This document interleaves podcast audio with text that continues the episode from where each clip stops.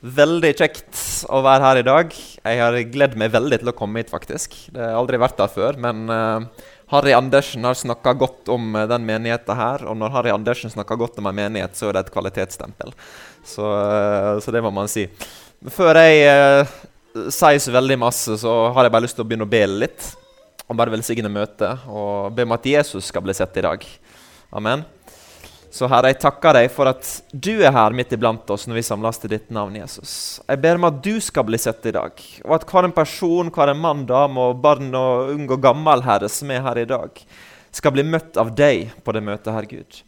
At når noen går ut av de dørene her etterpå, Gud, så skal de gå ut forandra fordi at du har vært her, og fordi at du har rørt ved deres hjerte og ved deres liv, Gud. Vi ber om at du skal være til stede med din kraft, med ditt nærvær og med din ild, og brenne i oss og brenne gjennom oss, Herre, alle våre livsdager.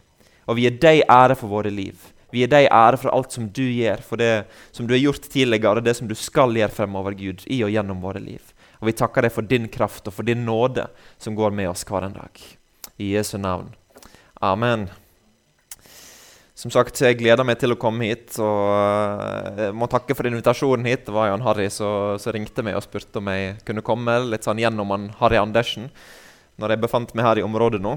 Som Jeg skal ikke snakke så mye om meg sjøl, men det er kanskje en del som ikke veit helt hvem jeg er. Eh, så kort fortalt, mitt navn er Nathan Osnes. Jeg eh, kommer fra Ulsteinvik originalt, men jeg bor nå i Bergen og tilhører Pinsekirken Tabernakle der. Og så jobber jeg fulltid innen uh, misjon. Uh, jeg jobber en del på Filippinene og Papua Ny-Guinea, bl.a. med unådde folkeslag og litt forskjellige sånne ting. Og så reiser jeg rundt om i Norge og taler i menighet og underviser litt på bibelskoler og sånne ting. Om misjon, om uh, hva enn Gud skulle legge på hjertet. Um, og noe jeg gjør når jeg reiser rundt og taler litt, det er at jeg bruker å vise litt bilder fra arbeidet på Filippinene og Papua Ny-Guinea. Uh, og det er ikke for å liksom skulle vise fram, se hva jeg jobber med, og hva, hva som skjer.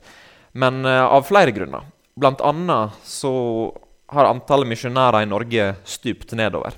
Vi uh, var en gang i toppen blant landene i verden som sendte ut mest misjonærer i forhold til befolkninga. Og vi gjorde store ting, nordmenn rundt om i verden. I eh, Kina er det fortsatt undergrunnsmenigheter som arbeider gjennom eh, norske misjonærer som starta dem, osv. Og, og det er stupt ned. Og Pinsbevegelsen har som et mål at innen 2030 så skal antall misjonærer som er sendt ut uh, fra pinsbevegelsen, dobles.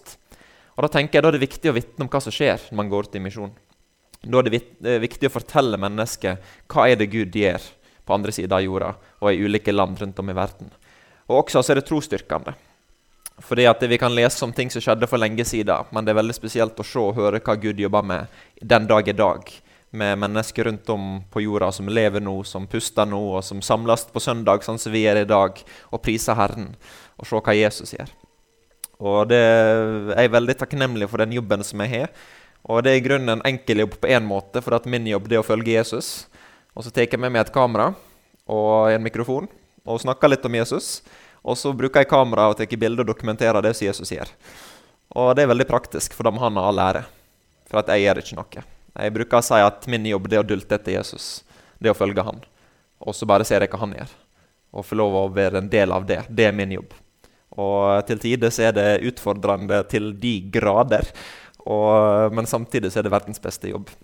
Jeg skal vise litt bilde i dag, hvis vi får eh, slått over på, eh, på den andre her. Så uh, han, Det er jo noen kjentfolk her. Jeg kjenner jo Arild og Linn der veldig godt. Og Arild stakkars, han er jo på omtrent alle møter som er på Sunnmøre, så han har jo sett disse bildene. Og det er sikkert Linda også. Det er litt artig med Arild, for jeg har kjent han i tolv år, tror jeg nå. Siden vi møttes første gang på The Rock i Fosnavåg. Og jeg husker når jeg var i tenåra, så jeg hadde jeg egentlig mye kontakt med han Arild. Jeg brukte å sitte på med han med møte litt her og der og, og sånne ting. Og så husker jeg en gang han ba for meg, og så sa han en dag så skal du sette dine bein der ingen andre satte sine bein før.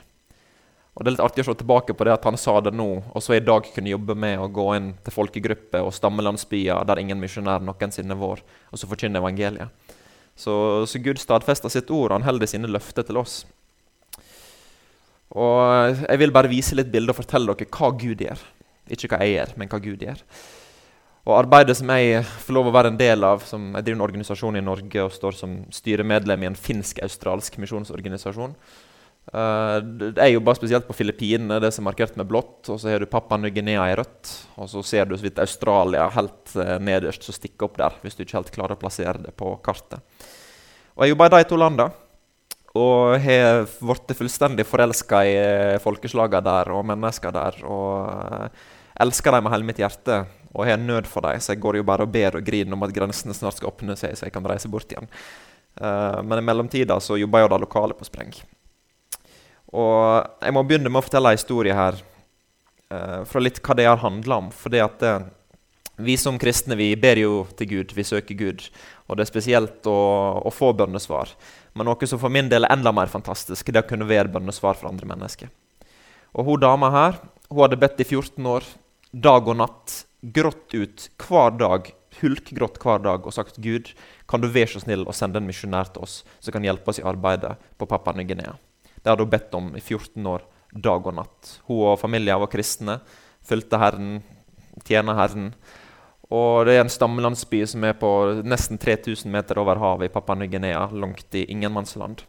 Og Der reiste jeg i fjor i juni og møtte denne dama her.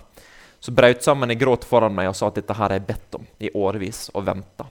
Og nå nylig så, så døde hun for bare noen få uker siden. Og da tenker jeg Gud, hvor fantastisk at hun fikk dette bønnesvaret for å flytte herifra. Det som hun bedt og lengta ut etter i årevis.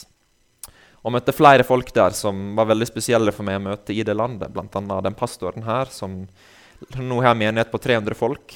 Han ble ikke frelst gjennom misjon, ikke frelst gjennom evangelisering eller en pastor. Han ble frelst gjennom at han døde i er ulykke.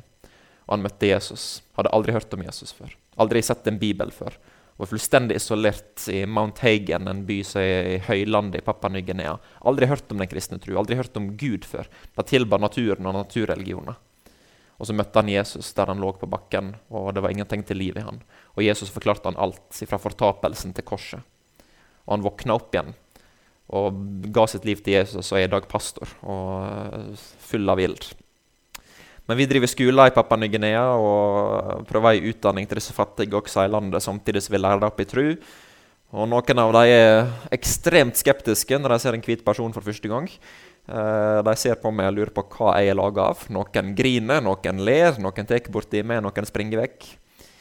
Og vi har elever sånn som han her, som medførte det jeg egentlig har lyst til å betegne som vekkelse i en landsby. For at Vi hadde et møte i en menighet, og han gutten her kom. Jeg var lam siden fødsel ba for han. Han begynte å springe rundt. Og Når det skjer i en stammelandsby der det ikke bor så veldig mange folk, og alle kjenner til denne gutten der, alle visste hvem han var, da skjer det ting. For de, vet, de visste han der var lam siden fødsel. Han har aldri gått. Han har aldri klart det. Så dagen etterpå så var menigheten stappfull, og folk sto utafor i regn og prøvde å trenge seg inn i menigheten fordi de skjønte at her skjer det noe. Og blinde begynte å se, og mirakel poppa. og Folk ble frelst og ble døpt. Vi tror på disippelgjøring. Så en av de tingene som jeg alltid gjør, er at jeg jobber med lokale tjenester og menigheter. Alltid, uten uh, unntak.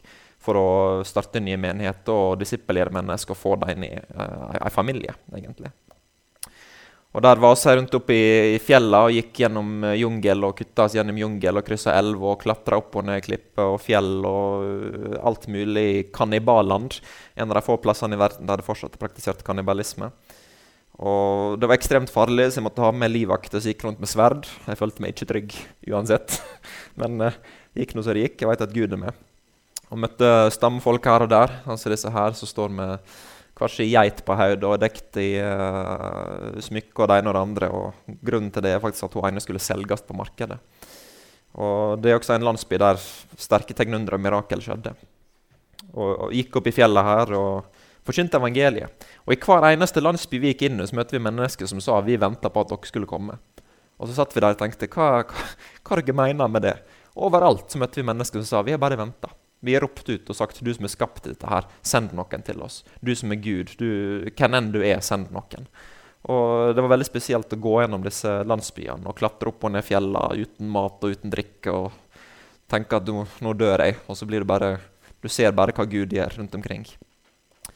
Og Siste bilde fra Papua Ny-Guinea her, mitt favorittbilde fra Papua Ny-Guinea, faktisk. Det er, er, det er litt vanskelig å se her, da, men disse smilene er så glad at det er helt utrolig.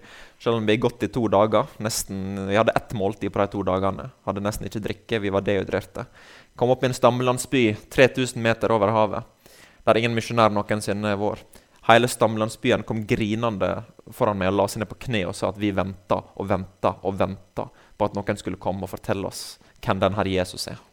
For jeg hadde hørt om Jesus da i en annen stammelandsby var det noen av høvdingene som hadde hørt om han.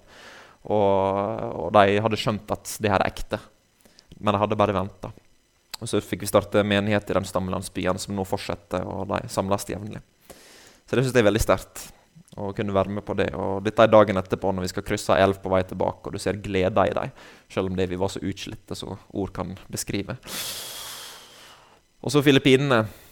Må ta noen bilder derifra også, av landet som kapra mitt hjerte.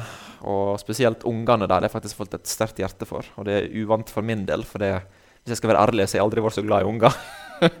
Eh, så reiste jeg til Filippinene, og så var det de som kapra meg. Og noe av det er at jeg alltid har bedt Gud send meg til de farløse, til de fattige. Til de som eh, aldri opplevde kjærlighet, til de søndagknuste, til de som har gitt opp. Og Filippinene det er et land av smerte. Uh, det er så mye misbruk at nå den, uh, nå er faktisk norsk Kripos starta politiavdeling på Filippinene i januar i år. Med en uh, norsk etterforsker som er ansatt på Filippinene for å ta nordmenn som begår overgrep mot unger der. Det er hundretusener av barn som blir solgt årlig som, som prostituerte. Det er så mye fattigdom. Manila er den byen i verden med mest heimløse. Over tre millioner i en by som ikke er en plass å bo. Og disse ungene her de eh, har jeg fått et hjerte for. Sånn som han her som heter Johan, som kaller meg pappa og springer opp i armene mine hver gang jeg møter ham. Og Vi starta skoler der. Vi har sju skoler nå. Og gir, gir gratis utdanning da, til disse, disse, ungene. I starten var det kun fattige, men nå vil de rike også komme og ha ungene på skolene våre. fordi at eh, det er de skolene i området som produserer best resultat. Så til og med de i regjeringa sånn, legger merke til det. Og vi ansetter lærere sånn som hun her som heter Daisy hun ble frelst for noen år siden og jobba nå på ene skolen vår. Hun ble sterkt helbreda, for hun fikk beskjed fra leger du kan aldri få unger. I dag så er hun to unger. Siste ble født rett før jul. Og Hun ble skikkelig berørt av Gud og har ukentlige bibelmøter utendørs i landsbyen som hun bor i, heter Aroma. Og I menigheten også der, som er tilknytta skolene, så er vi sterke møter. Mennesker blir frelst, helbreda, satt fri. Uh, Gud kommer i sin ånd. Vi har hatt mennesker som fysisk opplever å se Jesus på møter, som blir frelst sier sine liv til Han. Og Vi går utafor menigheten, for det tror jeg at vi som Kristi kropp er kalt til å gå ut. Og Det er misjonsbefaling, ikke et misjonsforslag. Og går på gatene og i disse områdene der det bor gatebarn, og eh, forkynner til dem, lærer dem kristne sanger, vi gir dem mat, lærer dem å be. Vi gir dem muligheter til å gi sine liv til Jesus og få dem i menighet. Og det er også områder, så det er ingen andre misjonærer som er aktive i dette området akkurat der. Så det, og det er ingen turisme der heller, som er for så vidt en god ting, for da er det mindre misbruk enn andre områder. Og det, Da opplever jeg sånn som på Pappa Ny-Guinea at de stirrer på meg livredd fordi de lurer på hva er denne hvite greia som står foran oss, som vi aldri har sett før. Men eh, det er bare å gi dem litt godteri. Ha det i lomma, så blir dere beste venner på 1, 2, 3. Og gi dem mat og tar vare på dem. Gi dem kjærlighet. Noen av dem lukter jo helt fantastisk, men eh, det spiller ingen rolle. for det å kunne holde disse her eh, knuste små barna i armene, det er faktisk eh, noe som jeg tror Jesus hadde gjort hvis han var her på jorda. Og mange av dem blir, blir frelst. Han, som, han, her som heter John Fate, han og hans familie ble, eh, ble, blitt frelst. Hele gjengen blitt døpt i vann, går i menigheten fast. Eh, tilber Jesus og priser han. Han der møtte jeg litt tilfeldig på gata en gang jeg var rundt der, og så syntes jeg han så så syk ut. Og Så fant vi mora da, spurte om vi kunne få lov å ta han med til sykehuset. fordi at det, vi syntes at det, virka som det var noe alvorlig som feila han. Fikk vi beskjed fra legene at eh, hadde ikke vi tatt han med, så hadde han dødd. For han hadde fått en infeksjon i, som gikk i blodet. Og gjennom det da, så har noen familier møtt Jesus og kommet inn i menighetene. Så vi er det også. Vi driver fast med legehjelp der og jobber bl.a. med en kirurg fra Finland. Og driver med arbeid blant stammefolket. Eh, Mangian-folket, som det heter. Drar opp i fjellene der og går til stammelandsbyene og samler sammen det er jo ganske lav gjennomsnittsalder der. De fleste dør jo tidlig av uh, diverse sykdommer. De har jo ikke legehjelp, og de veit nå ikke hva en penn er for noe. Og er fullstendig isolerte, mange av dem. Du snakker virkelig hula-hula-folk.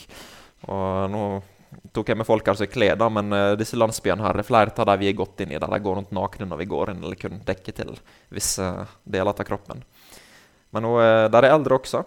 Og når jeg går ned disse stamlandsbyene, så må jeg av og til ha med livvakter fra militæret. Uh, veldig praktisk å kjenne guvernøren, for da får du gratis hjelp fra Forsvaret sine spesialstyrker på Filippinene. når du trenger det. Og Grunnen til det, det er for at jeg pirrer på meg av terrorgruppe. så jeg er ikke så glad i meg for øyeblikket. Og Jeg møtte noen av terroristene i fengsel, da, så jeg fikk jo forkynne til dem. i hvert fall. Men uh, de er ikke så veldig glad i meg. Så uh, tar vi med livvakter. Og det er ikke så om å gjøre for min del, for jeg tror at Gud er med og beskytter. Men når vi er med disse, så får vi lov å forkynne til dem og be for dem. Så det er egentlig et evangeliseringsverktøy også. Å forkynne på rådhuset til de offentlige ansatte, ordførerne og politiavdelingene. Går på sykehus, ber for nyfødte. Uh, og folk som ligger for døden, får lov å velsigne dem og gi dem Jesus på det siste. Og velsigne dem ser at mennesker blir helbreda på sykehuset. Sist gang jeg var der nå, så var det absolutt alle som ville ta imot forbønn. Alle pasientene. Det var ikke én person som sa nei. Og bare for å si det sånn, takk Gud for norske sykehus. du skal være der og kjent lukten og sett standarden på dette opplegget her. Det er helt utrolig og jobber med det offentlige skolesystemet. Jeg kjenner sjefen for uh, Utdanningsdirektoratet i den ene provinsen. Han er frelst. Og åpner dører for at vi får reise inn på de offentlige skolene og forkynne Jesus til elevene. På alt fra barneskoler til uh, videregående skoler, også ulike universitet og høgskoler. Kan forkynne og si det man vil, be for alle.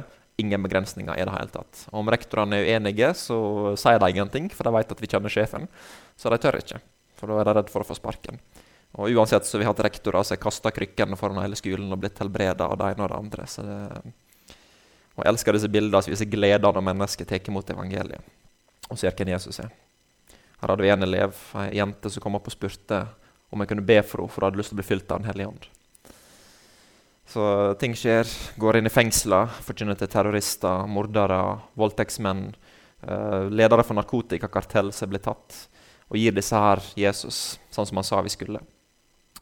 Og driver med kampanje det setter jo merke i byene når du er der og forkynner foran tusenvis i små landsbyer ikke sant? og samler sammen store deler av befolkninga og gir dem Jesus.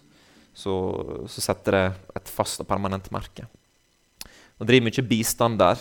Annet når det er regnsesong og tyfoner, så er vi registrert som hovedmenigheten vår som, eh, som en evakueringsplass.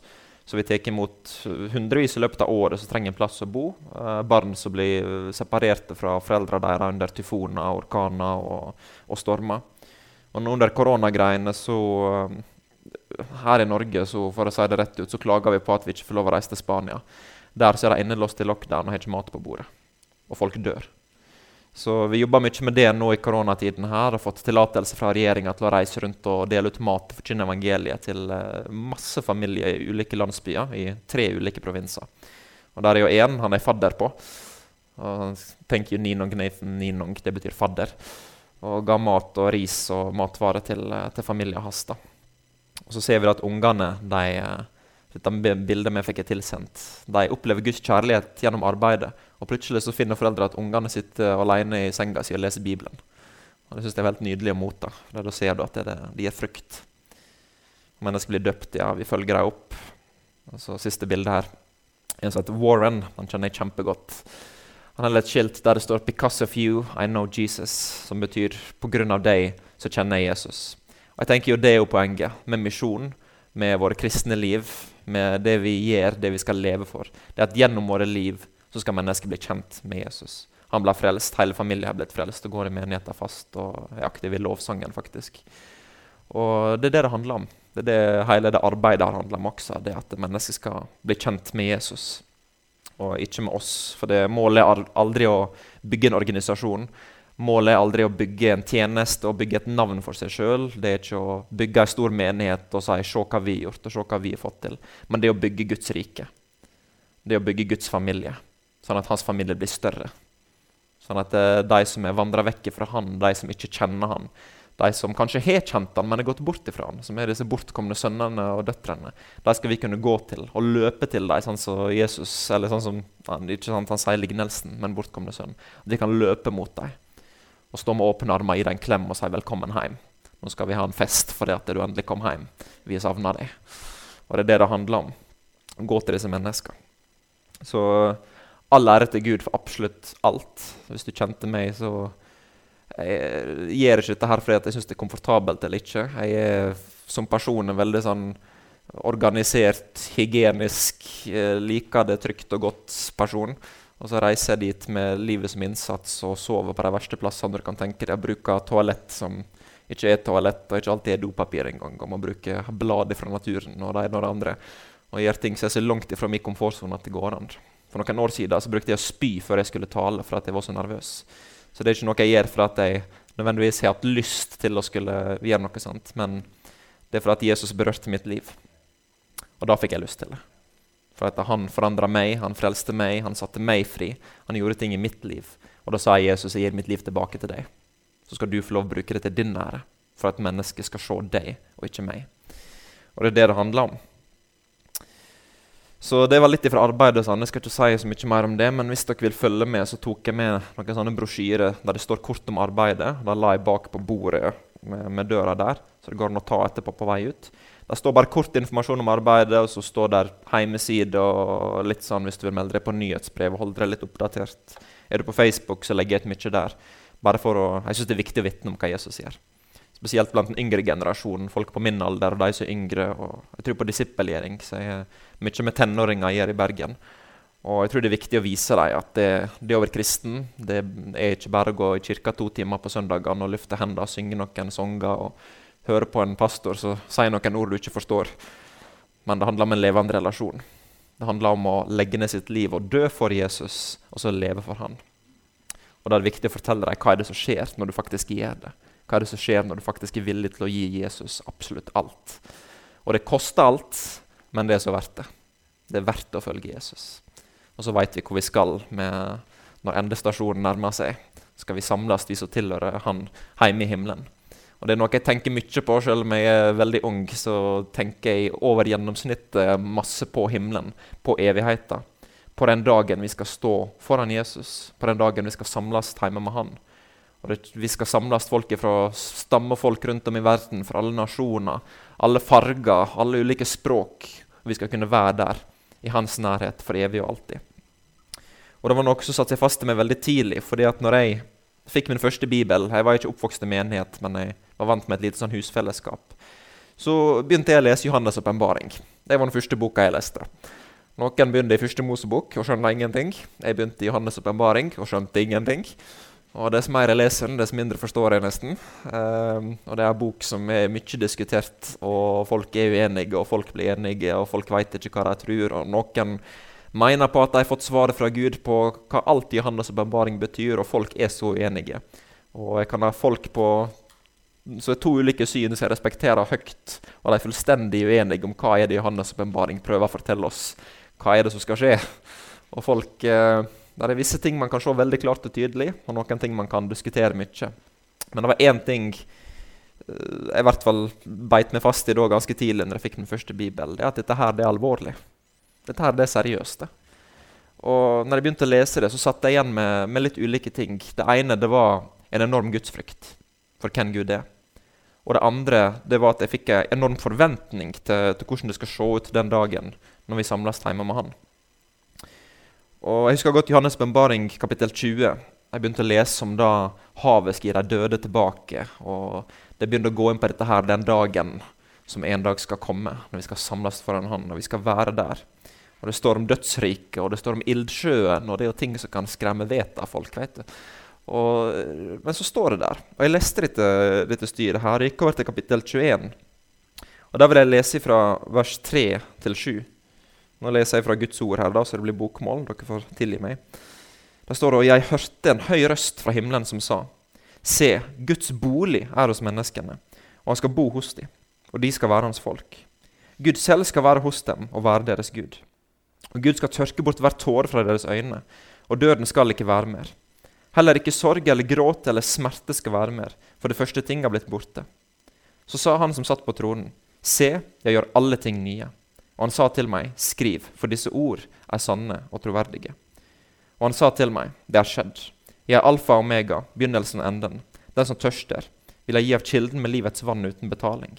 Og den som seirer, skal arve alle ting. Jeg vil være hans Gud, og han skal være min sønn. når jeg leser dette her, så Det er en fantastisk oppmuntring, men som sagt så blir det også alvorlig for meg. For jeg tenker på den dagen, ikke bare når jeg skal stå foran Gud, men den dagen jeg skal se tilbake på mitt liv. Når det begynner å nærme seg slutten. Og jeg kom til den, det punktet at jeg vet at det, jeg har ingen garanti for at jeg kommer til å leve lenge, sånn som jeg driver og holder på. Og grunnen til at jeg gjør dette, her, det er for at jeg er gal. Og jeg trives godt som gal. Det er veldig greit å være gal for Gud. Da skjer det ting. Og de ganger jeg reiser ut der og jeg står ansikt til ansikt med folk som vil drepe meg, som har prøvd å steine meg og hatt våpen retta mot meg, og det ene og det andre Og når jeg reiser ut, så er jeg litt sånn OK, jeg veit ikke når jeg skal komme tilbake. Men jeg ønsker å kunne leve et sånt liv der jeg ser på det tilbake, og så kan jeg si Gud, jeg ga deg alt. Ja, jeg feila. Ja, jeg har synda. Ja, jeg har ikke alltid behandla mennesker sånn jeg skulle. Ja, jeg har gjort feil. Jeg har falt. Jeg har gjort mange feil mange ganger og måtte ha tatt meg sjøl i nakken masse. Men jeg vil kunne si, Jesus, jeg ga mitt liv for deg.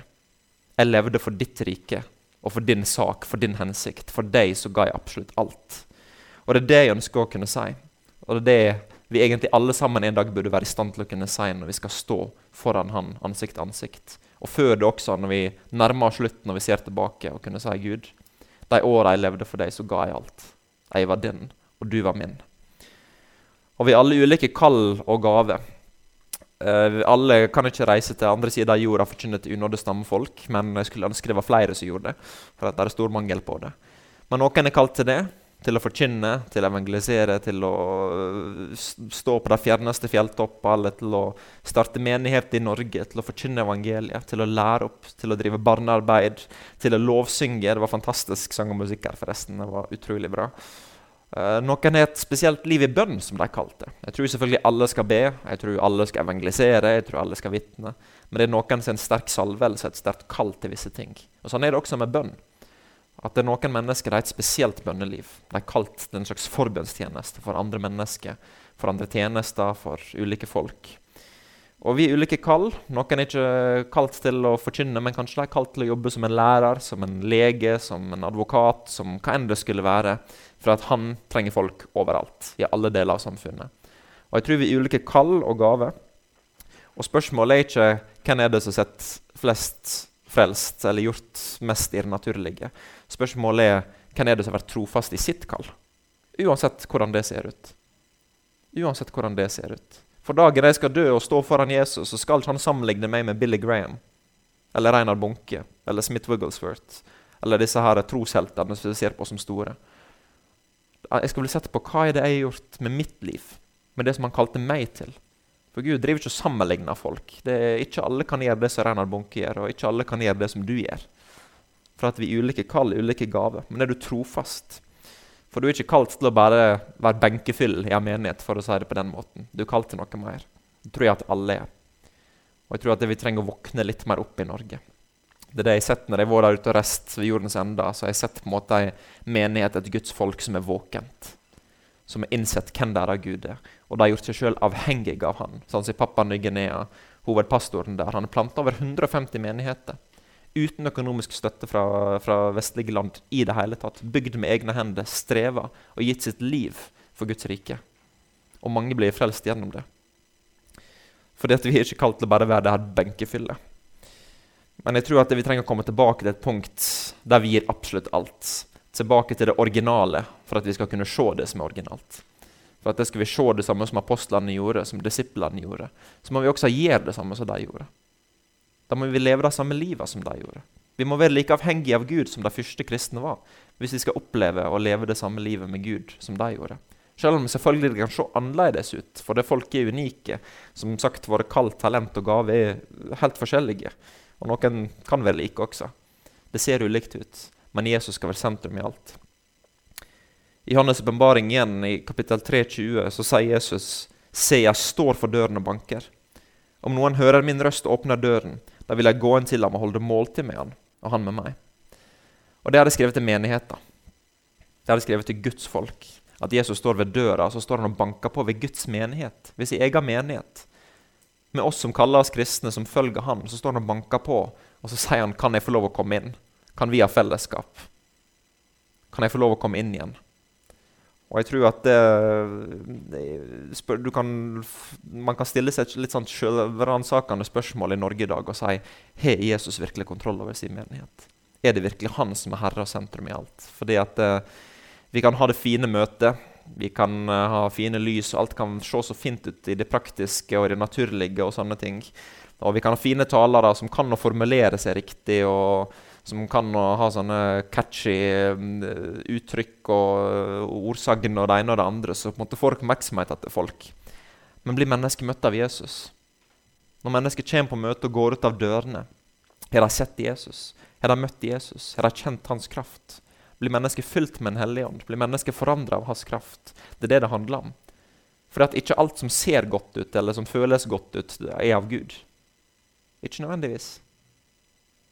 Og Vi trenger å komme tilbake til det originale, der vi sier 'Herre, nå må du komme med din kraft'. Der vi er desperate etter hans kraft.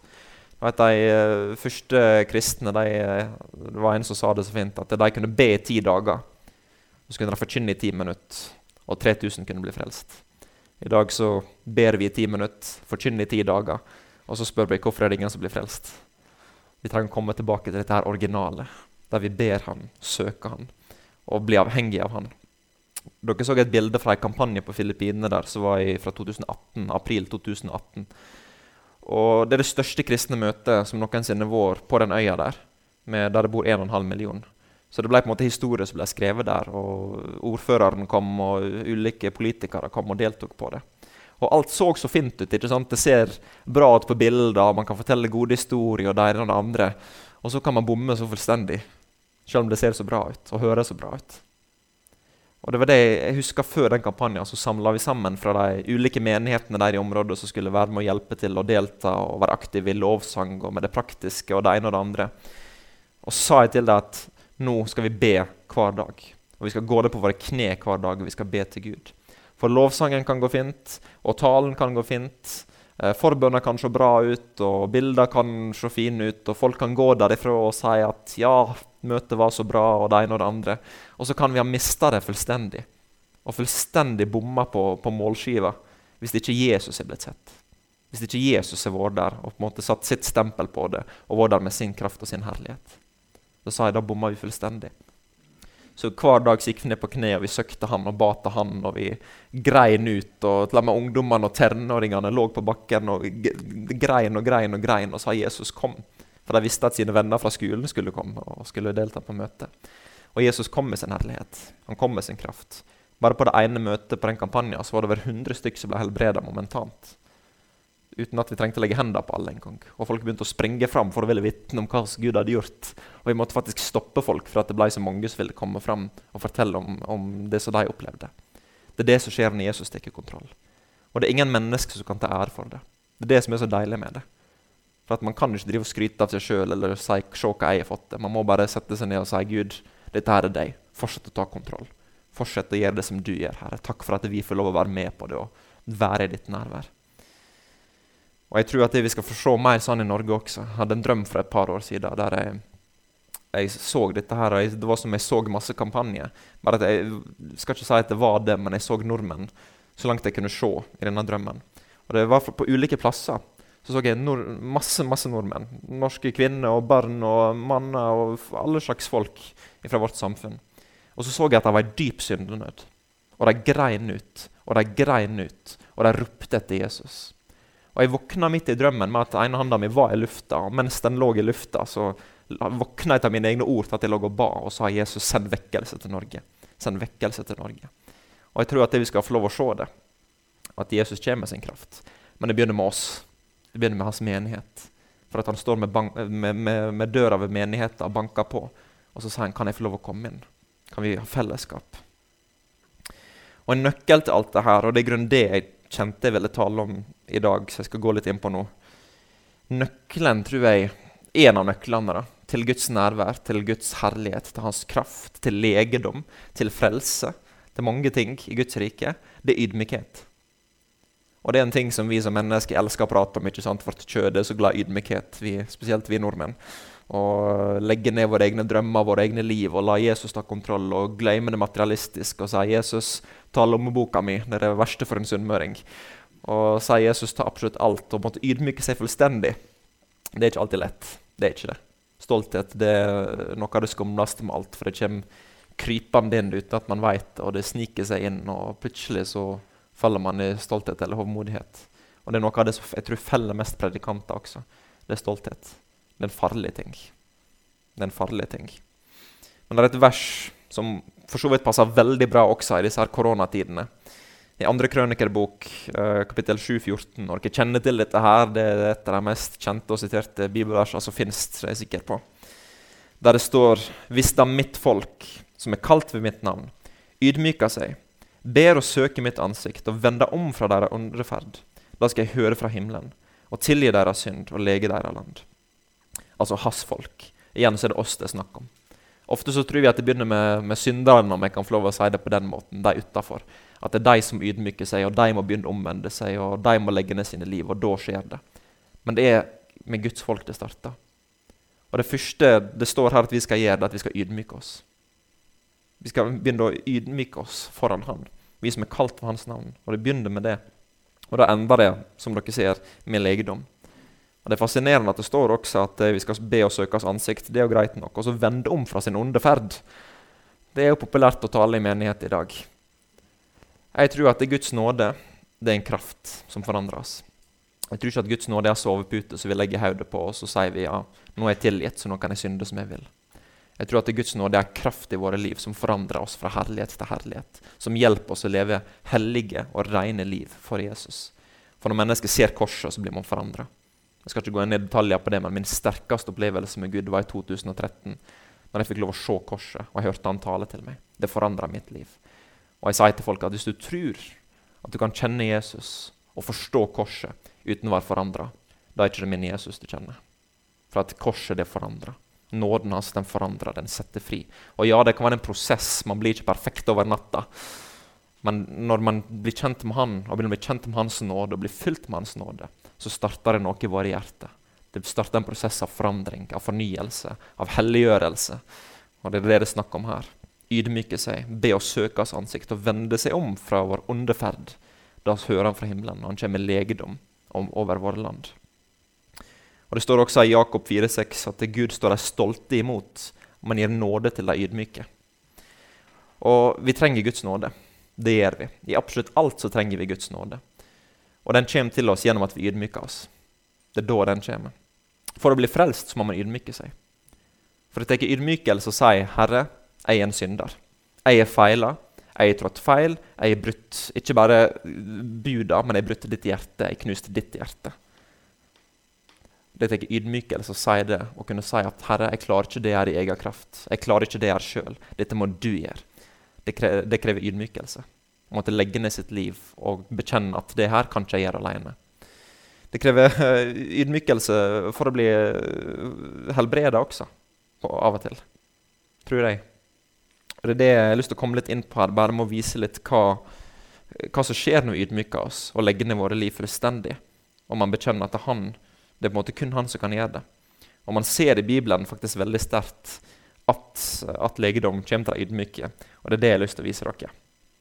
Det her er en historie som du finner i Matteus 15, som jeg har lest en del mange ganger. Jeg blir like fascinert over den hver gang. og jeg skulle gjerne vært der og spurt Jesus hva er det du holder på med.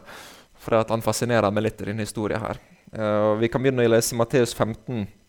Uh, eh, først så leser jeg bare vers 21 til 23. Det står at deretter dro Jesus bort derfra og trakk seg tilbake til distriktene ved Tyros og Sidon. Og se, en kvinne fra Kanan kom til dette området og ropte til ham og sa:" Herre, Davids sønn, miskunn deg over meg. Min datter plages svært av demonbesettelse. Men han svarte henne ikke et ord. Hans disipler kom og ba ham og sa:" Send henne bort for å rope etter oss. Når jeg leser disse tre første versene, så blir jeg litt sånn Ok, Jesus, her er nå du og går rundt på jorda, og du har bare tre år med tjeneste. Og du kan gjøre hva mirakel du vil, hva under du vil, hva helbredelse du vil gjøre. Du kan gå på vannet, du kan reise opp døde og det ene og det andre. Og du leter etter folk som vil følge deg. Og her kommer det ei dame. Og For det første så bekjenner hun hvem Jesus er. Hun sier 'Herre'. Hun kaller han Herre, hun kaller han Davids sønn. Og du ser at hun bekjenner hvem han er. Og så kommer hun med et behov. etter å ha bekjent hvem Jesus er, og sier 'min datter plages av demonbesettelse', eller 'hun er sjuk', da, som jeg egentlig forstår gjennom denne historien her. Og Jesus, hva er hans respons? Ingenting. Han svarer ikke henne. Og disiplene rundt de blir jo irritert av henne, så de prøver å få henne vekk. tydeligvis. Og nå, Jeg ser bare for meg at hvis, eh, hvis her hadde vært en predikant, en annen predikant i dag nå, da, og han hadde talt, og han hadde med seg et team av folk, og jeg hadde en person i mitt liv som var sjuk, og så kommer jeg fram til predikanten og jeg spør han, du, kjære deg, kan, kunne du ha bedt for meg fordi det er noen i familien min som er sjuke? Og så ser han bare på meg, og så svarer ikke han. Og så begynner teamet å prøve å få meg vekk. Jeg skal være ærlig og si at jeg tror jeg hadde blitt fornærma. Jeg tror at jeg hadde blitt litt sint. Og jeg hadde sikkert ikke spurt flere ganger. Jeg hadde snudd meg, gått ut døra og sagt han der, han er ikke en gudsmann'. Jeg hadde blitt litt fornærma. For å være ærlig. Jeg kjenner meg sjøl, og jeg eh, hadde reagert. For jeg, eh, Sånn som jeg er oppdratt når det gjelder hvordan du skal respektere og behandle andre mennesker, så strider det veldig med min oppdragelse. Tydeligvis så er Gud andre oppdragelsesmetoder enn jeg har. Uh, og jeg har vært gjennom. Men jeg hadde reagert. Så kan vi lese videre i vers 24-26. Men Jesus svarte og sa, Jeg er ikke utsendt til andre enn til de fortapte sauene av Israels hus. Da kom hun tilbake til ham og sa, Herre, hjelp meg. Men han svarte og sa, Det er ikke rett å ta barnas brød og kaste det til de små hundene. Ok, han bare fortsetter. Nå gjør han på en måte det store, og han begynner å sammenligne denne dama med en hund. Og Se for at en predikant her hadde gjort det, eller hvis jeg hadde begynt å sammenligne her med en hund. Er du klar over hva VG hadde skrevet om i kveld? Det hadde vært overskriften på alle Norges aviser. Det er 'Norsk predikant sammenlignet syk kvinne med hund'. Eller et eller annet sånt. Det hadde vært overalt, og folk hadde begynt å kritisere, og du hadde hørt om det. Og vi, vi hadde fått hørt om det, og det hadde ødelagt mye. Det. Og så begynner jeg å tenke Jesus, kjære folk. Det, her er du liksom Guds kjærlighet på, på bein og med hår på hodet, og så sammenligner de ei dame med en hund. Hva er det du styrer på med? Og Det, det forundra meg litt når jeg leste dette. her. Husker Første gang jeg leste det, så tenkte jeg Jesus, hva i all verden er det du styrer på med? Og Jeg skjønte ikke så mye. Men så fortsetter jeg å lese, vers 27 og 28. Men hun sa, Ja, det er sant, Herre, men de små hundene spiser likevel smulene som faller fra sin herres bord. Da svarte Jesus og sa til henne, Kvinne, stor er din tro. La det bli som du vil. Og hennes datter var helbredet fra samme stund. Der kom miraklet. Der kom svaret og det som hun hadde spurt etter fra første stund av, med en gang. Og dette her, det er jo Jesus. Han kunne ha gjort det med en gang. Det tror jeg. Sekundet hun kom og bekjente hvem han var, og, og det var ikke engang for seg sjøl hun spurte om å få noe. Hun spurte ikke etter penger. Hun spurte ikke om å få en ny bil eller en ny kamel, som det kanskje hadde vært i den tida. Det var ikke noe hun ville ha materialistisk. Men dattera var sjuk. Dattera var plaga av demoner. Og så kommer hun og spør om det. Og så drar på en måte Jesus det ut. og eh, Det jeg sitter igjen med, er at jeg tror Jesus prøver å vise oss noe. For det jeg ser med denne dama her, det er at hun måtte ydmyke seg. Virkelig. For at hun kom dit og ble eh, rett og slett på en måte skubba bort av disiplene, og de ville bli kvitt og Jesus svarte ikke, men hun ga ikke opp. Og Det også viser oss det må fortsette å be, det må fortsette å søke. Det må ikke gi opp foran Guds trone, foran Guds åsyn, og fortsette å be og forvente. Men også det med å ydmyke oss sjøl fullstendig, der vi lagt ned alt.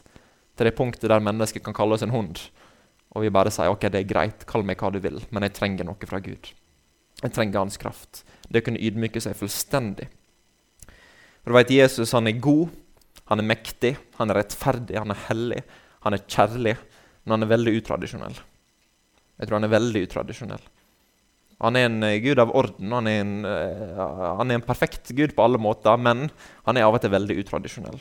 Og Du ser det også gjennom Bibelen. I, i Johannes 9 så leser du om at han lager, lager deig av, av, spytt og noe jord på bakken og smører det på øynene til en blind mann. og Så blir han helbreda når han vasker det vekk. Hvor mange er det som hadde kommet i dag hvis spyttpredikanten kom på besøk? Spesielt i koronatiden. Han hadde jo sikkert blitt fengsla. Men det, var det Jesus gjorde. Han hadde sånne utradisjonelle metoder. Og På møtet så kunne folk komme firende ned fra taket fordi de var lamme og skulle bli helbreda. Liksom, ting skjedde. Det var utradisjonelt. Det passa ikke helt inn i samfunnet. og Jødene og fariseerne og disse her, de skjønte jo ingenting og ble jo bare sinte og irriterte og provoserte og prøvde å få han til å falle. Og Det er det som skjer litt når man går til tro. At man gjør radikale ting. Man gjør ting som blir sett på som galskap, som ikke alltid kan forstås der og da, men som man kan se tilbake på og si at Gud var i det. Og disse tingene er jo på en måte store og sterke mirakel. ikke sant? Folk som blir helbreda og blir satt fri. og det ene og det andre.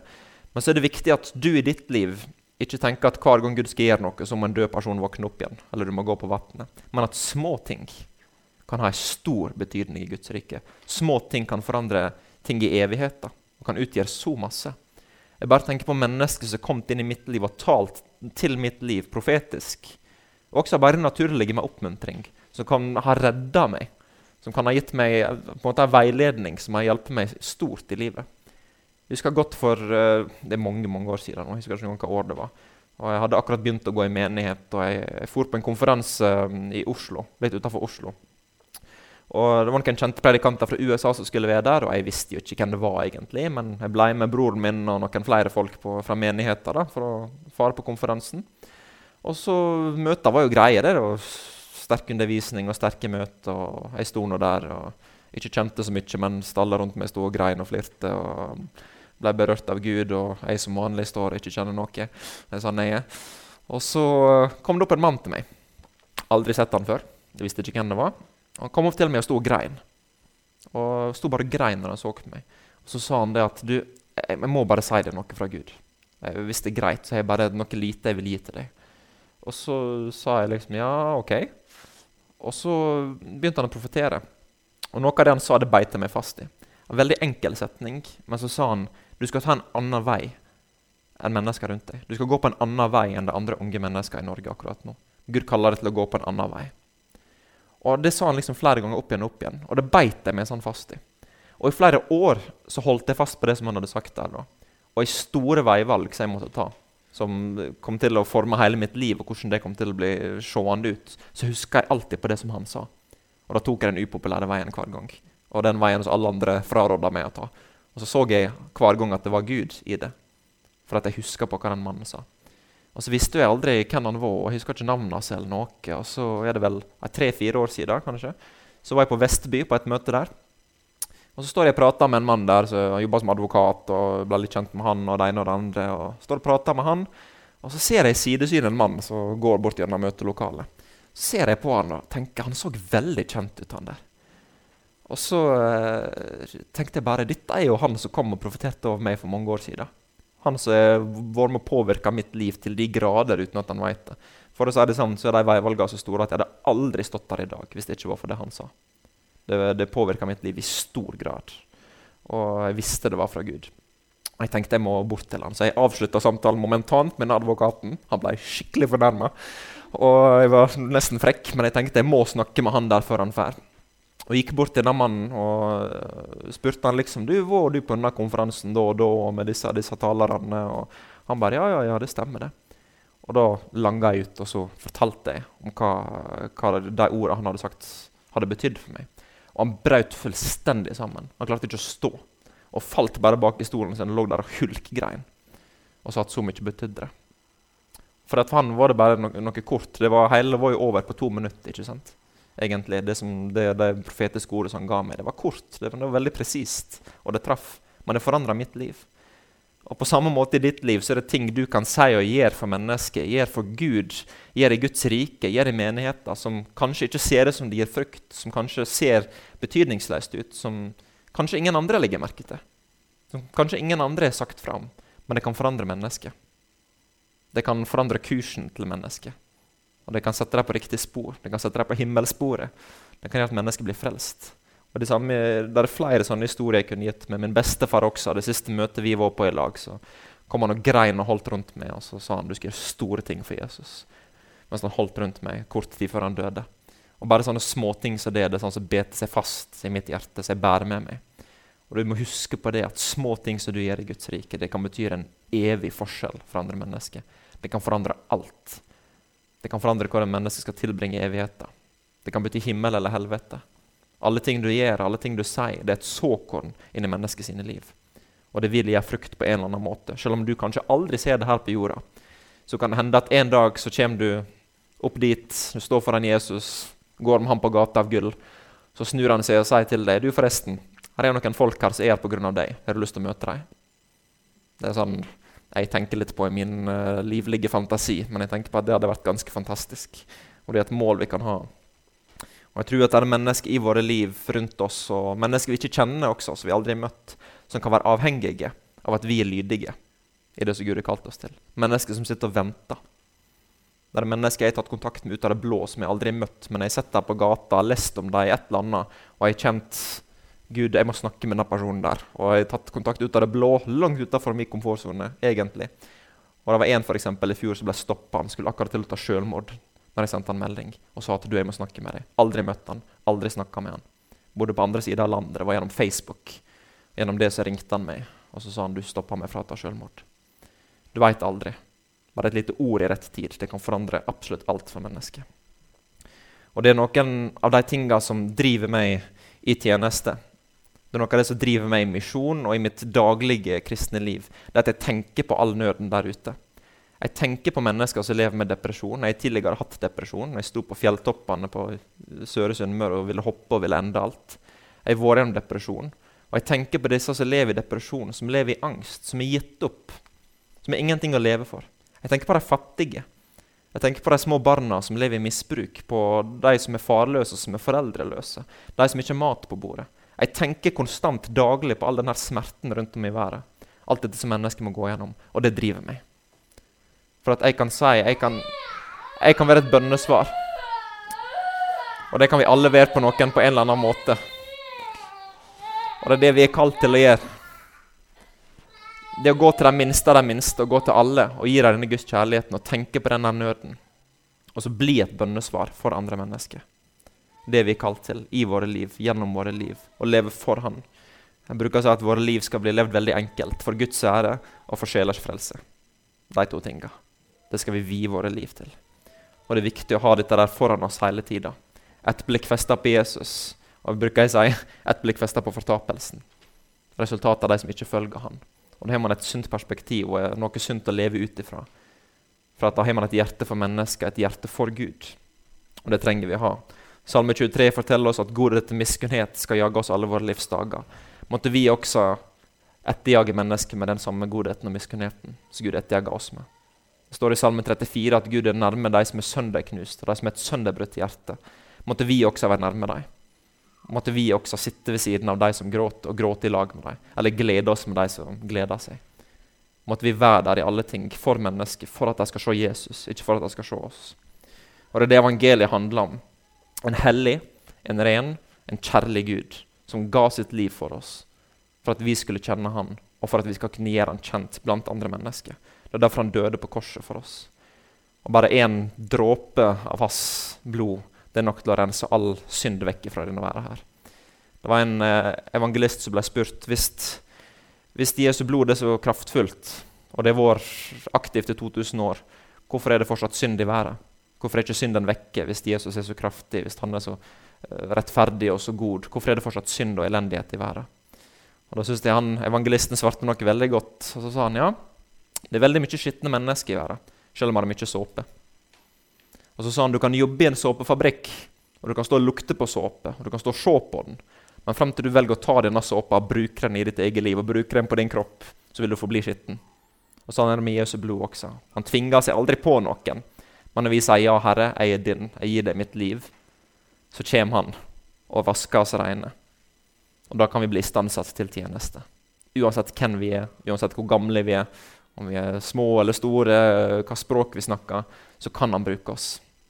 Jeg skal avslutte bare med å dele ei historie til som jeg ble minnet på nå. Som jeg er blitt veldig berørt av. Jeg syns den er en søt historie. for å si det på den måten. Som Noen av dere kanskje lest den hvis dere følger meg på Facebook. og sånn, så la jeg den der for ikke så lenge siden. nå. Men han var en liten gutt på Filippinene, i en by som heter Mamborao på øya Mindoro. Der jeg bruker bo når jeg er der mesteparten av tida. Og denne lille gutten han ble opplært av en av pastorene lokalt til å lære seg å be. Og veldig enkelt for han var liten, var bare noen få år gammel. Og han lærte seg å be for maten. Så han brukte tre ganger for dag for frokost, lunsj og middag. Så holdt han hendene sånn som dette her foran seg. Og så sa han 'Tusen takk, Jesus, for den maten her. I Jesu navn. Amen'. Den bønna ba han tre ganger per dag. Samme bønna. Stoppa aldri med det. Og Mora hans hun ble en dag ganske sjuk. Og lå og spydde, hadde migrene og lå i senga og var helt ferdig og var skikkelig utslitt. Det var ikke sånn hun trodde hun skulle dø, men det er jo ikke kjekt å ligge i 40 varmegrader og ha migrene og spy. Uh, og på toppen av det uten vift og uten aircondition, for det var ei fattig familie. Og Så roper hun på sønnen sin, for hun vet at sønnen har lært seg å be. Og Så roper hun 'hallikadito', som betyr 'kom hit' på tagalog eller filippinsk. Og Gutten går inn til mora og, og spør mora hva er det da? Og Så spør hun du, du som har lært deg å be, du kan ta handa di og legge den på hodet mitt, og så kan du be om at hodeverken og all sykdom og sånn skal forsvinne. Du har jo lært deg å be nå. Og gutten han tenkte ja, ja, da skal jeg gjøre det som mamma sier. da. Så han uh, sto der med sengekanten til mora og la, la handa på hodet til mora. Og så sa han tusen takk, Jesus, for denne maten her. I Jesu navn. Amen. Momentant helbrede med en gang. Når vi kommer uskyldige, ydmyke hjerter foran Gud og bare sier 'Herre, ta mitt liv', bruk det, så skjer det ting. Det trenger ikke være komplisert, det trenger ikke være vanskelig. Det kan være naboen over gata, personen i kassa på Kiwi hva enn det skulle være, mennesker rundt oss som trenger Guds kjærlighet gjennom våre liv. Og Når vi ydmyker oss og gjør oss sjøl avhengige av Han, da tror jeg at vi på et nytt nivå vil se Hans kraft og Hans godhet gjennom våre liv. Og Det betyr, egentlig, det betyr ikke at det vil være enkelt. Jesus sa aldri livet skal være enkelt. Det har ikke han sagt. Det løftet har ikke han gitt. Heller stikk motsatt. Han har sagt at forfølgelse skal komme, det skal være trengsler, av det ene og det andre. Men han ga oss et løfte oppi det hele, og at han skal være med oss. Og det er det løftet vi klinga oss til. Det at Jesus, du går med. Du er med. Gjennom alt. I alle livets sesonger så er du der. Så ta det valget hver dag. For et livslangt valg det er et daglig valg. Du sier ikke Jesus til han en gang 'nå skal jeg følge deg', og så glemmer du dagen etterpå og lever 50 år for deg sjøl. Men det er et daglig valg der du sier 'Herre, i dag lever jeg for deg'. I dag tar jeg opp mitt kors. I dag vil jeg følge deg, søke deg og leve for ditt rike. Det er noe du gjør daglig så gjør det. Det er min utfordring til dere i dag. Og jeg er sikker på at mange sikkert gjør det, om ikke alle gjør det. Men det var det jeg kjente for å dele i dag. Så det er ikke lov med hans påleggelse. Men jeg skal be og velsigne menigheten og be for dere. Og så håper jeg at noen i hvert fall ble oppmuntra og utfordra, eller et eller annet av budskapet. Så jeg i hvert fall følte at det var riktig å dele i dag. Men jeg har lyst til å bare be for dere da, og bare velsigne dere som menighet, og dere som er på besøk også, som ikke tilhører menigheten, kanskje. Og jeg tror at Jesus er her. Selv om vi ikke ser ham, så tror jeg at han er her. Og Det trenger ikke alltid å kjennes sånn ut. Noen av de gangene da jeg kjent på en måte minst av Guds kraft, og jeg kunne stått i noe og det kjentes helt grusomt ut, så er han vår der. Selv om jeg ikke kjente det så bra. Når jeg På denne kampanjen så hadde jeg betennelse i tannkjøttet. Jeg hadde ikke akkurat så veldig lyst til å tale eller be for syke. eller det ene og det andre. Jeg sto der og blødde og det ene og det andre. Men Jesus kom på tross av at jeg hadde den betennelsen. Selv om det var noe lite. Det er ikke alltid det føles fantastisk ut, men han er her. På tross av følelser, på tross av hva vi kjenner og ikke kjenner, så er han alltid trofast. Han er alltid med alle våre livsdager. Så Jesus, jeg takker deg for, for Pinsekirka her, Gud, og for de som representerer andre menigheter som er her, Gud, eller som bare er med i din familie, Herre, din store familie, Gud. Jeg løfter opp ditt folk foran deg, Gud. Jeg ber om at du skal ta fullstendig bolig i våre hjerter, i våre liv, og i ditt folk som sitter her. At det ditt ikke skal være et folk der du står på døra og banker jeg, og sier 'kan jeg få lov å komme inn', men at du skal allerede være inne, og du skal sitte der og ha måltid og fellesskap sammen med dem. Jeg takker deg for at du alltid skal gå med dem, hjelpe dem, løfte dem opp. Vær med dem gjennom alt. Du skal snakke med dem, du skal tale til dem, de skal høre din stemme, Gud. Drag dem nærme til ditt hjerte, Gud, som aldri før. Så de får høre deg når du kviskrer, så de kan rope det ut fra fjelltoppene, Gud. Og kom med din ild og brenn i våre liv. Brenn i våre hjerter. Brenn i ditt folk, Herre. Og brenn vekk alt som ikke er til behag for deg, slik at det vil bli reine foran deg. Og leve liv i ydmykhet og i hellighet for ditt rike, sånn at mennesker kan se deg gjennom våre liv. Måtte Herre, du bli sett gjennom de som sitter her, i deres øyne når de ser på mennesker, i deres munn når de taler, i deres berøring når de er borti andre mennesker. Måtte mennesker kjenne deg og se deg, Herre, i deres liv. Ta dem nærmere ditt hjerte og la dem hvile i dine armer og vite at det er der de hører hjemme. Så jeg velsigner dem. Jeg ber også Gud for de som sitter her som har sykdom, som har angst, som har depresjon, som har søvnproblem, som har ulike ting som ikke er i linje med ditt ord. Jeg takker deg for din legedom akkurat nå. Berør med hver enkelt sjel og med de familiemedlemmene og folka som de representerer, som ikke har det sånn som de skal ha det. Måtte du komme med din legedom og få ære for at du gjør det, Gud. For det er du som helbreder, det er du som setter fri, det er du som frelser. Det er du som svarer på bønn. Og vi gir deg all ære for absolutt alt. Så jeg velsigner de som sitter her, deres familie. Og jeg velsigner menigheten, Gud, med at det har vært en landingsplass for ditt nærvær. En landingsplass for din herlighet. Slik at de som kommer inn dørene her, skal bli møtt med din kjærlighet og din godhet, som driver dem til omvendelse, Herre. Så måtte du være med dem i forsørgelse, i beskyttelse, i alle ting. Gjennom den tida her, Gud. Gjennom de som kanskje har hatt det ensomt, som hatt det tøft, Gud. Gjennom det, det viruset som nå pågår, alt mulig. Så takker jeg for at du er der med dem. Måtte de se deg som aldri før i ditt ord, og høre deg som aldri før i deres bønneliv, Gud. Jeg velsigner din menighet som tilhører deg, Gud. Jeg velsigner lederne, lovsangerne og alle som er med på ulike måter, Gud. Måtte de kjenne at du har behag i dem. I Jesu navn. Amen. Amen. Nå skal ikke jeg si så mye mer. Jeg vil bare si takk igjen for muligheten til å komme. Jeg er veldig takknemlig for det. Og jeg skal skryte av dere til Harry. jeg har fått godt inntrykk, jeg også. Som jeg sa mens du var ute, fantastisk bra låsang. Det var veldig, det var salva. Og den type sanger som jeg liker. Det traff meg. Så det syns jeg var fantastisk bra. Så jeg skal fortsette å be for menigheten her. Fortsett å be om at Jesus skal bli sett her. I og gjennom deres liv, i og gjennom menighet her, overalt hvor dere måtte gå. Så takk for nå. og Husk gjerne på det skal jeg frimodig å be om da, husk gjerne på arbeid i bønn. Hvis dere vil gjøre meg en stor tjeneste, så be om at grensene åpner seg snart, for jeg blir gal. for eh, jeg er kalt også til å være der ute, og mitt hjerte er knust for disse minste av de minste på andre siden av jorda, som har absolutt ingenting. Og vi får hjelpe dem lokalt. Masse. Vi har ti menigheter på Filippinene og flere menigheter i Papua Ny-Guinea. Og pastorer og lærere på skolene som tjener Herren med glede. Ydmyke, fantastiske folk som elsker Gud. Og Gjennom dem får vi gjort mye, men jeg skulle gjerne vært der sjøl også nå. Men i mellomtida så står de på og backer opp dem og ber for dem. Og Ber gjerne for flere pastorer også, for vi har mange byer vi vil starte menighet i, men vi har ikke nok pastorer. Så det er, nok, det er et stort behov som vi har. Så takk for nå. og Vær velsigna, tjen Herren med glede.